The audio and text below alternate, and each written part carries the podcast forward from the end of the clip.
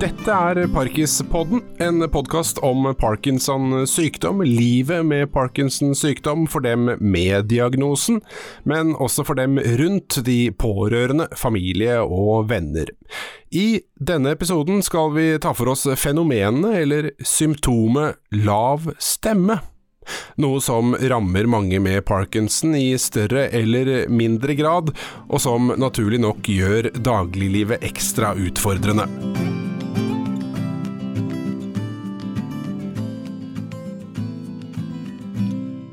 Jeg heter eh, Nils Johan Halvorsen. I studio har jeg med meg Diane Amundsen. Eh, velkommen til deg. Tusen takk. Din mann Renny han har hatt parkinson i over ti år, Stemmer det. og har lav stemme. Ja. Og når man hører det sånn umiddelbart, så tenker man er det så farlig da?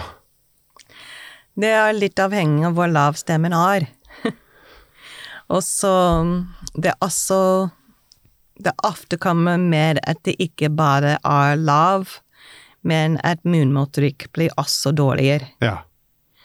Um, I min manns situasjon, han har hatt Parkinsons i over ti år, og han har gått regelmessig til logoped.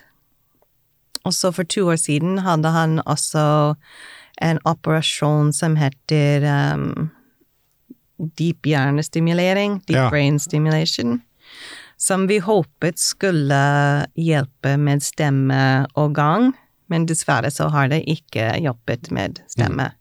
Men har den stemmen blitt lavere og lavere og lavere? Det har blitt lavere over tid.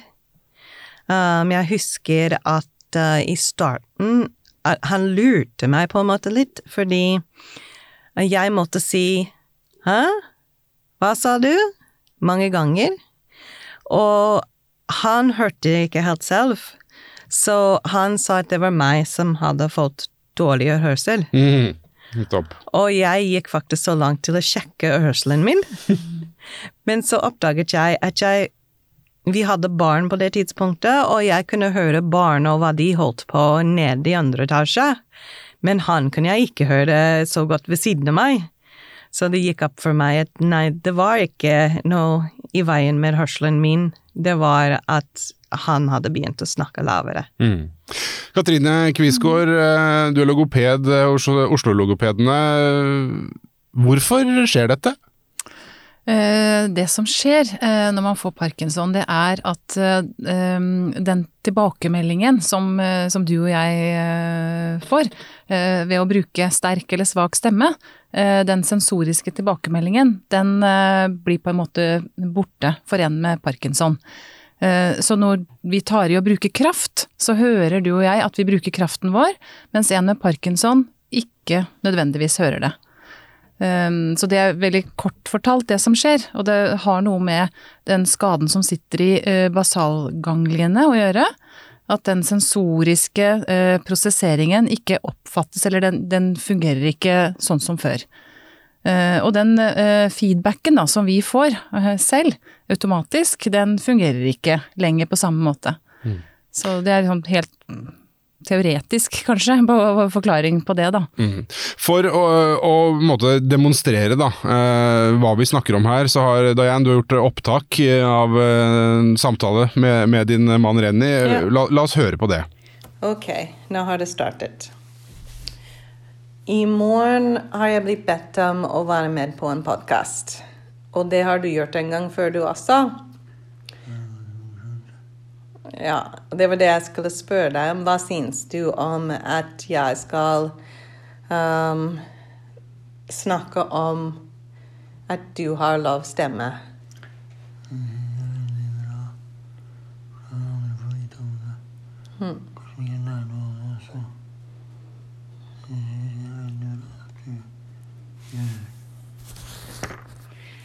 Um, er det noe som du vil si til andre som begynner å ha svekket stemme?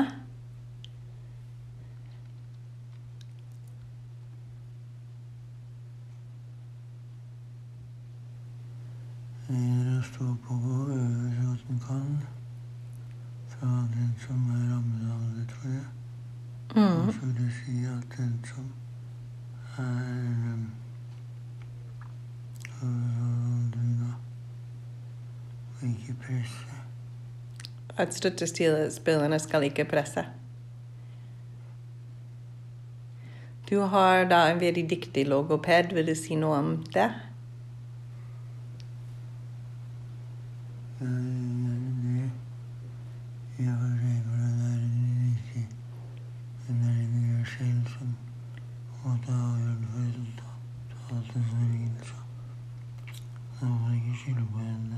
Mm. Jeg skjønner ikke på henne, jeg syns hun er kjempeflink.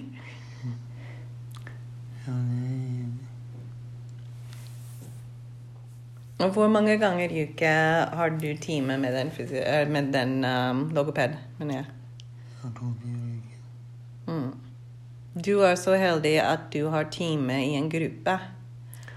Ja, det er ganske nyttig. For da kommer vi sammen med andre også. Og så gjør vi så godt vi kan. Og da er liksom ikke forventningene så store. Og dermed blir det lettere å trene seg, for da gjør det ikke noe om du gjør litt feil. Opplever du at det å trene med andre At de har mer forståelse for din situasjon? Ja, for eksempel. Mm. Er det noen ganger at du føler at du ikke blir tatt på alvor pga. måten du snakker på? Ja, det er et sånt punkt. Jeg har alltid sånn at jeg ikke blir Mm. Mm. Hva sier? Det er for mye press nå. Er det sånn at stemmen din forsvinner litt mer når det er presset? Ja. OK. OK. Da skal vi avslutte. Uh, Mereni snakker nå i hviske, og da um, er det ikke sikkert på at dere hører noen ting. Men um, i starten så var det ikke så dårlig stemme for han. Det er ikke godt å, for en utenforstående å skjønne noe, eller egentlig noe særlig i det hele tatt, av hva Renny sier her, Dayan? Nei, og det er en stor utfordring for meg også. Um, stemmen blir litt bedre, litt verre gjennom dagen. Um, og han ofte går over til det jeg kaller for hviskestemme, hvor han hvisker istedenfor å bruke stemmebåndet i det hele tatt. Um, så det hender at jeg får sånn omtrent hver tredje ord, og da blir det et slags uh, gjettelek med å prøve å finne ut av hva han sier. Mm. Hva hører du uh, oppi dette her, eh, Katrine? Mm, jeg hører jo en som bruker veldig lite stemme. Han har jo en svak stemme, og antageligvis veldig lite motorikk i ansiktet, eller mimikk også, når han har såpass svak stemme. Eh, Så det er jo vanskelig å forstå og høre hva han sier. Det er det. Mm. Men går Parkinson også på stemmebåndet? Det går ikke på stemmebåndet, for hvis han hadde eh, En øre-nese-hals-lege kan jo ta en undersøkelse og se ned i halsen på en med parkinson og, og finne helt normale forhold. Så det går på den kraften som han ikke bruker. Så eh, når vi snakker, eh, så bruker vi en vanlig stemmekraft, mens når man får parkinson, så aktiverer man ikke den kraften lenger på samme måte. Så eh, anatomien i, i strupen er normal, men kraften blir ikke brukt som før. Men er det, er det da fordi på en måte hjernen ikke husker på en måte å, å bruke den krafta? Den er der, og den kan lokkes fram med riktig trening, eller? Mm.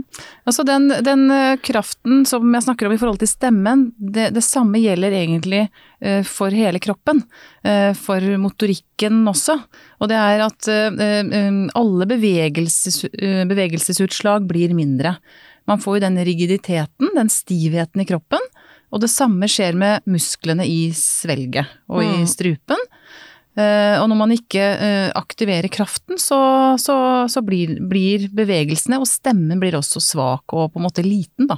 Akkurat som, som skrittene når man går, uh, blir også små. Så, så det å bli bevisst og kompensere og bruke større bevegelser og bruke sterkere stemmestyrke er en måte å trene på. Ja. Det forklarer litt på hvorfor de jobber så mye med pust. Mm.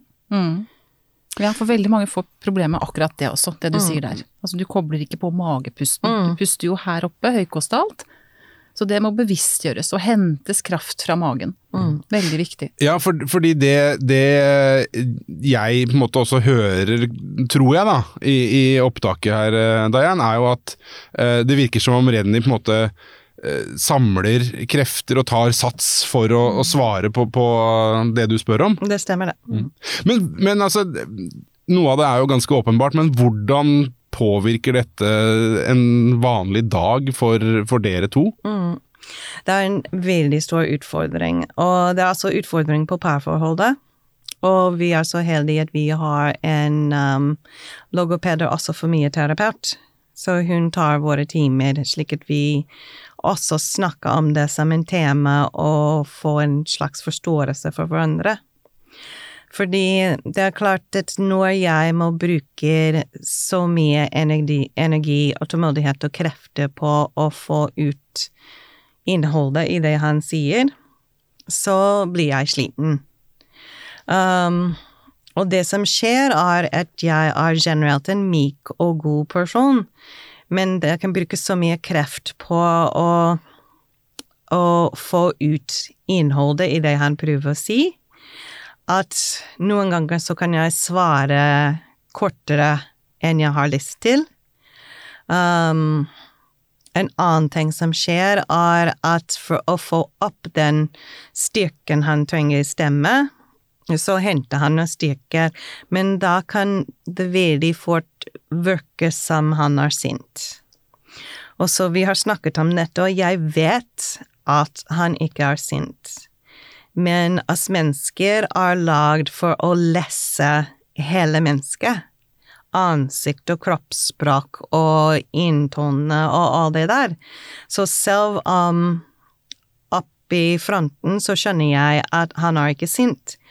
Min um, hva vil jeg kalle det, min uh, overlevelseshjerne, min uh, dinosaurhjerne, den tolker signalet som om dette er sint og farlig, uansett om jeg prøver å overstyre det. Og ja, fordi at hans kraftanstrengelser eh, framstår som aggressivitet, da? Ja, han, um, ansikt blir veldig spiset, og så tonefallet kan være sånn som ligner på sinne. Um, og dette tolker den sånn gamle hjernen vi har, uansett. Så det blir sånn at um, når vi tolker andre mennesker, det er vi tolker litt sånn budskap, og så tolker vi kroppsspråk, og hvis den ikke matcher, så blir det en usikkerhet. Ja, jeg skjønner. Og det er noe som vi opplever veldig ofte, litt usikkerhet på liksom, Er han sinne på meg nå? Um, og det er én ting som skjer. En annen ting som skjer, at jeg rett og slett ikke forstår fulle innhold i det han sier. Og det kan være at jeg går direkte på løsning på det viktigste, når kanskje det han er ute etter, er å bli hørt. Mm. Og da blir det også en feil respons til det han sier. Her skjønner jeg jo at uh, den jobben som eh, logopedene gjør oppi her, er ganske utfordrende og stor. Mm. Si litt om det. Ja, og det som jeg syns er så bra du nevner, Dian, er jo øh, det er jo, eller det du, det du sier er jo veldig viktig i forhold til at vi må tenke på å ta med pårørende i det arbeidet vi gjør. Det er så viktig å gi informasjon om den behandlingen som vi gir, for vi må jo ha med dere som skal fortsette med den treningen og hjelpe til med at de skal bruke kraften hjemme, og det er jo der de er mest, og ikke hos logopeden. Men det er jo veldig viktig det å, å, å I den treningen vi gjør, så skal vi jo fremprovosere kraft. Eh, Og da høres man litt sint ut, for vi jobber jo mye med sånne typiske imperativer. Ikke sant? Kom, se, hei, fy. Og da høres man jo sint ut. Og det forteller jo jeg til mine som kommer i mine første timer, at nå skal vi trene kraft, og du vil høres litt sint ut, men vi må få til litt kraft. Og det er så viktig at pårørende er med og får den informasjonen. At vi, er, at, vi er, at vi passer på det, og tar med dere og gir den informasjonen til dere også, i det arbeidet. Så for det høres, man høres litt sint ut når man skal trene kraft og bruke kraften. Man gjør det. Men eh, jeg tenker at eh, det, det, det, krever jo også en eh, Som du sier, at du blir sliten og det krever mye konsentrasjon og, og skulle på en måte kommunisere om, om de minste ting. Man, så tenker jeg umiddelbart at ok, kanskje man er frista til å, å, ta noen snarveier, da, og kanskje skrive tekstmeldinger eller et eller annet sånt noe, men nå er det kanskje ikke det så enkelt heller med fin motorikk og sånne ting. Det er det så. vi gjør, faktisk. Ja. Um, det vi har kommet frem til som et slags løsning i vår parforhold, er at um, han Jeg er fortsatt i full jobb. Eller 80 da. Nesten full jobb.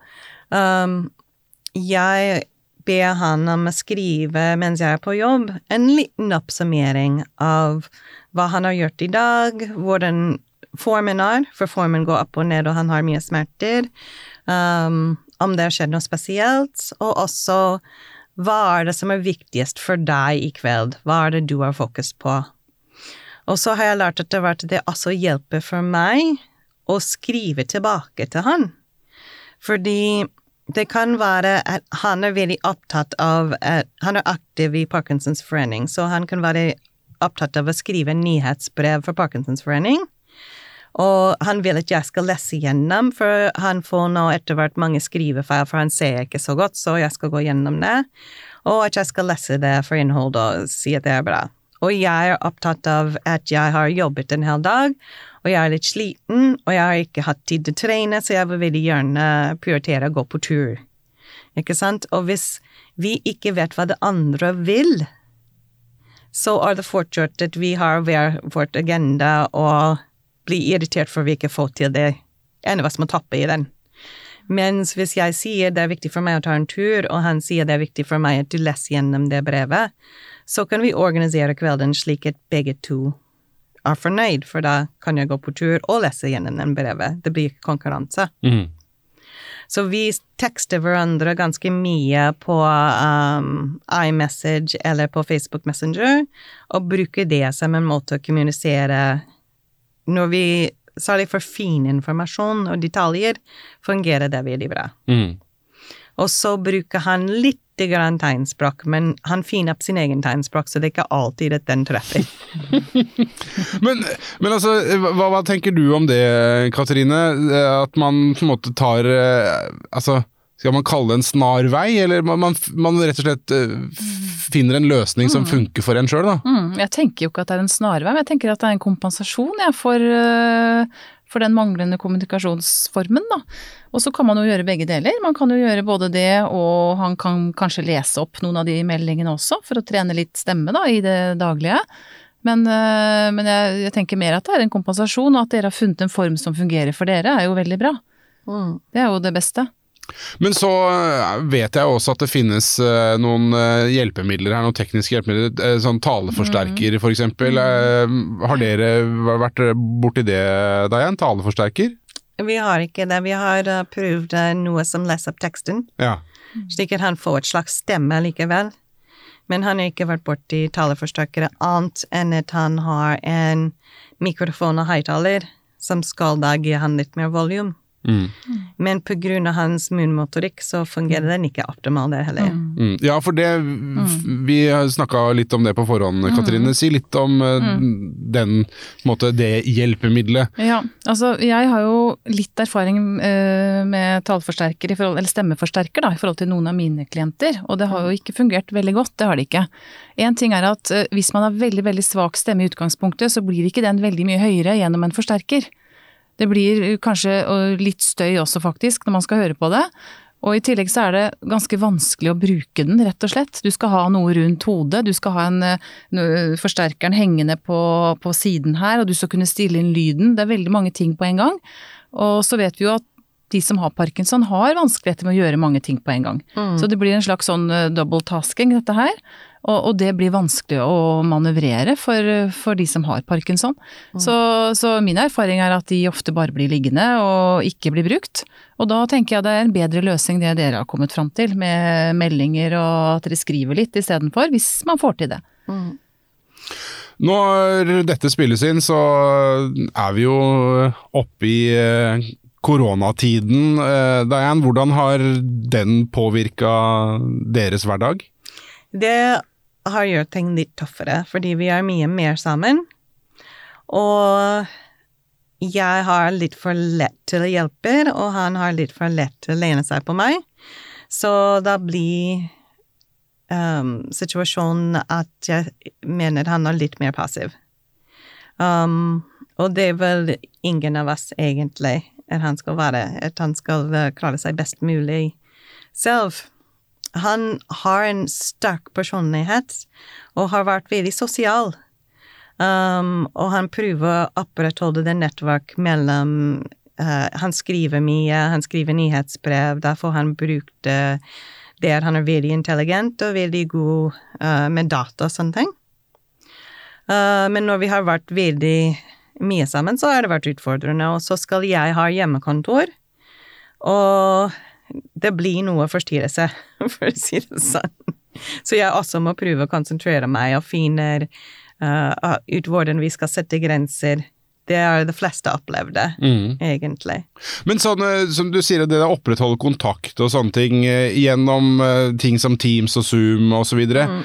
Hvordan fungerer det da? Det er jo begrensa hvor mye håper å si, glede i hvert fall Renny kan ha av å prate i telefon og snakke over sånne typer løsninger, som kanskje i seg sjøl ikke er verdens beste på å formidle klar og fin lyd. Ja, men han er faktisk uh, veldig aktiv på Zoom. Fordi um, hans uh, Han er leder for Oslo Seed Parkinsons forening lokalt. Og de har det som heter Mandagsklubb på Zoom. Og der fortsatt leder han, men han får andre til å ta uh, stemmerollen. Men på både Teams og Zoom så er det chatfunksjon. Så det han gjør, er at når han ikke kan snakke bra nok til at de andre forstår han, så kan han bruke den chatfunksjonen og chatte. Så kommer hans budskap også frem. Mm. Og en annen ting som er positivt for han, er at han har logopedtime i gruppe. Og det er morsommere å trene i gruppe, men også da har han en liten kjernegruppe som alle har samme problem, og de har tid og tålmodighet til å høre på hverandre. Så det er også andre rundt han som forstår den utfordringen. Mm. Si litt om hvordan, eh, hvordan den eh, nedstengningen og ja, sosiale isolasjonen har påvirka ditt arbeid, eh, Katrine? Ja, altså i løpet av en uke så, så fikk vi jo muligheten til å gi videokonsultasjoner for, altså til våre brukergrupper. Eh, Og det, det var det jo ingen som eh, på en måte fikk planlagt. Det ble jo, vi ble jo kastet ut i det alle sammen. Så jeg tror at eh, de som klarte å nyttiggjøre seg av det gjennom, gjennom den nedstengte perioden, da, det var nok de som hadde litt kompetanse på ja, teknologisk kompetanse fra før. Sånn som din mann, da. Mm. Så de klarte nok lettere å, å tilegne seg et nytt verktøy. For det var jo ikke bare det å kunne slå på PC-en, men du skal jo klare å logge deg inn på et program. Uh, og det er jo litt flere ting som skal gjøres her. Du bør ha gode hodetelefoner og, uh, og forstå hvordan du skulle koble deg på, da. Og vi hadde jo heller ikke muligheten til å fjernstyre det fra der hvor vi satt. Så det vi så var at de som hadde gode ferdigheter fra før, de klarte å, å benytte seg av det tilbudet. Mens eh, alle de som ikke hadde det, og som kanskje ikke hadde riktig utstyr heller, de hadde større problemer med det. Mm. Så, så det vi skulle ønske var jo først at vi fikk tatt en opplæring først av, eh, for brukerne våre. Mm. Noe vi ikke fikk gjort, da. En annen ting er at vi skulle gjerne hatt fjernstyring også. Sånn at eh, de som ikke klarte å koble seg opp, så kunne vi overtatt maskinen og, og hjulpet de med det. Mm. Så det er jo ting vi jobber videre med nå mot myndighetene, og, og vil gjerne ha på plass, sånn at det kan løses raskere og bedre øh, ved ny nedstengning, hvis det skulle bli sånn, da. Men eh, Katrine, si litt mer om eh, altså, viktigheten av kontinuerlig trening da, eh, for å prøve å bygge stemmen, og om ikke annet opprettholde den på et, et Ja. eller annet akseptabelt nivå. Ja, og det er jo egentlig veldig relevant og interessant at du tar fram det, fordi at eh, vi vet jo at spesielt de med parkinson trenger jo kontinuerlig trening og vedlikehold av både stemme, men også av fysiske funksjoner. Og det er klart, når alt ble stengt ned, og man opplevde å gå flere uker uten trening, så blir jo stemmen dårligere, og kroppen også, bevegelsen eh, generelt blir dårligere. Og de har jo sett på, de har jo forsket litt på det nå eh, i løpet av koronatiden, og vi har jo sett noen resultater fra Parkinson Nett i Nederland som viser nettopp det at de med parkinson fikk jo mange av de symptomene de hadde fra før, ble veldig, veldig forsterket og verre i løpet av, den, eh, i løpet av en seksmånedersperiode. Og det handler nok mye om det at man ikke fikk den vedlikehold, eh, da, som man er vant til for, fra før. Du sitter og har sittet og nikket her en stund, Ja. Ja. Veldig. Fordi jeg ser det samme, at hvis det er en situasjon hvor Særlig i begynnelsen, når alt var stengt ned, fysio var stengt ned, og vi hadde um, uh, logoped på Zoom, men det var ikke fullt like effektivt, um, så merket jeg som pårørende det er han blir svakere. På alle kanter. Um, jeg har inntrykk av at um, han mister sånn muskel og kontroll fortere enn han gjør det før i livet. Um, og det skjedde veldig raskt, egentlig. Uh, vi trengte litt hjemme for å prøve å holde det opp, og heldigvis så fant vi en løsning til at ting kunne fortsette på nett. Og vi var veldig glad når han kom tilbake til fysioterapi, for det er kjempeviktig. Um, en annen ting som jeg ville gjerne ta opp, hvis det er ok for deg, er at vi har kontakt også med hjemmesykepleier og mye helsevesen. Og en ting vi opplever, er at um, ikke alle er like flinke til å bruke den tid og tålmodighet som trengs til å lytte. Um, han Noen av de som kommer hjem til oss i hjemmesykepleier, er veldig flinke og liksom tar en dyp pust og venter og får kommunisere med han greit. Mens det er andre som skal bare få gjennomført den vask og de tingene som er på lista og gå videre, og de ofte ikke tar den tid å lytte. Uh, og blant de tingene for eksempel at han får fra hjemmesykepleier, at han har støttestrømper, og på det er det et slags tåhanske som skal på. Og hvis den ikke sitter riktig, så blir det vondt. Og han kan ikke rekke ned og fikse den selv, det er derfor han har hjemmesykepleier. Uh, noen ganger så sitter den feil, og han prøver å forklare at den ikke sitter riktig, men personen ikke får med seg det han sier, og da er det veldig fort litt sånn ha det bra, ha en fin dag, og så går de. Jeg er kanskje ute på oppdrag, og da kan han sitte i flere timer med en um, strømpe som klemmer og er ubehagelig og ikke kan fikse det selv. En annen ting vi har begynt med, er at når han går til legeavtaler, så lenge som det er mulig, så drar jeg sammen med han. Og hvis han klarer den samtalen selv, så bare er jeg taus og ikke sier så mye, slik at det ikke lener seg på meg, og han får snakke med de. Men hvis jeg opplever at han ikke kommer gjennom, da han, har han en sterk stemme som kan snakke for han og si at problemet vi opplever er sånn og sånn, og det vi lurer på er sånn og sånn, og det vi tenker det kan være er sånn og sånn. Men det er få, egentlig, tror jeg, som har den um, støtte rundt seg. Han er blant de heldige. Det, er, det høres litt selvskryt ut. Ja, nei, ta det til deg. Men, men det er det. det, ja. Det er det, for det er ikke alle de eldre som har en uh, yngre kone som kan ta litt fri fra jobben og følge dem til avtale. Og noen av dem kanskje har mistet sin partner og ikke har noen i det hele tatt som kan være i det daglige og hjelpe til. Så det at um, folk rundt han, og særlig helsepersonale, tar den tid det trenger til å lytte. Hvis du hører på den opptak, så er det altså en pause mens han formulerer seg, fordi også det fine ord går litt tregere. Liksom, og man må, man må ta den tid det trenger til å høre pasienten. Og det skal være en selvfølgelig, men folk blir stresset, det ikke alltid er det. Mm. Jeg tror vi skal la det være siste ord eh, i denne episoden av Parkis-podden. Eh, Katrine Kvisgaard, takk for at eh, du kom i studio. Og eh, Diane Amundsen, eh, takk for at eh, du også delte din historie. Og så får du hilse Renny. Det skal jeg gjøre. Og så høres vi i Parkis-podden eh, neste gang du trykker på play.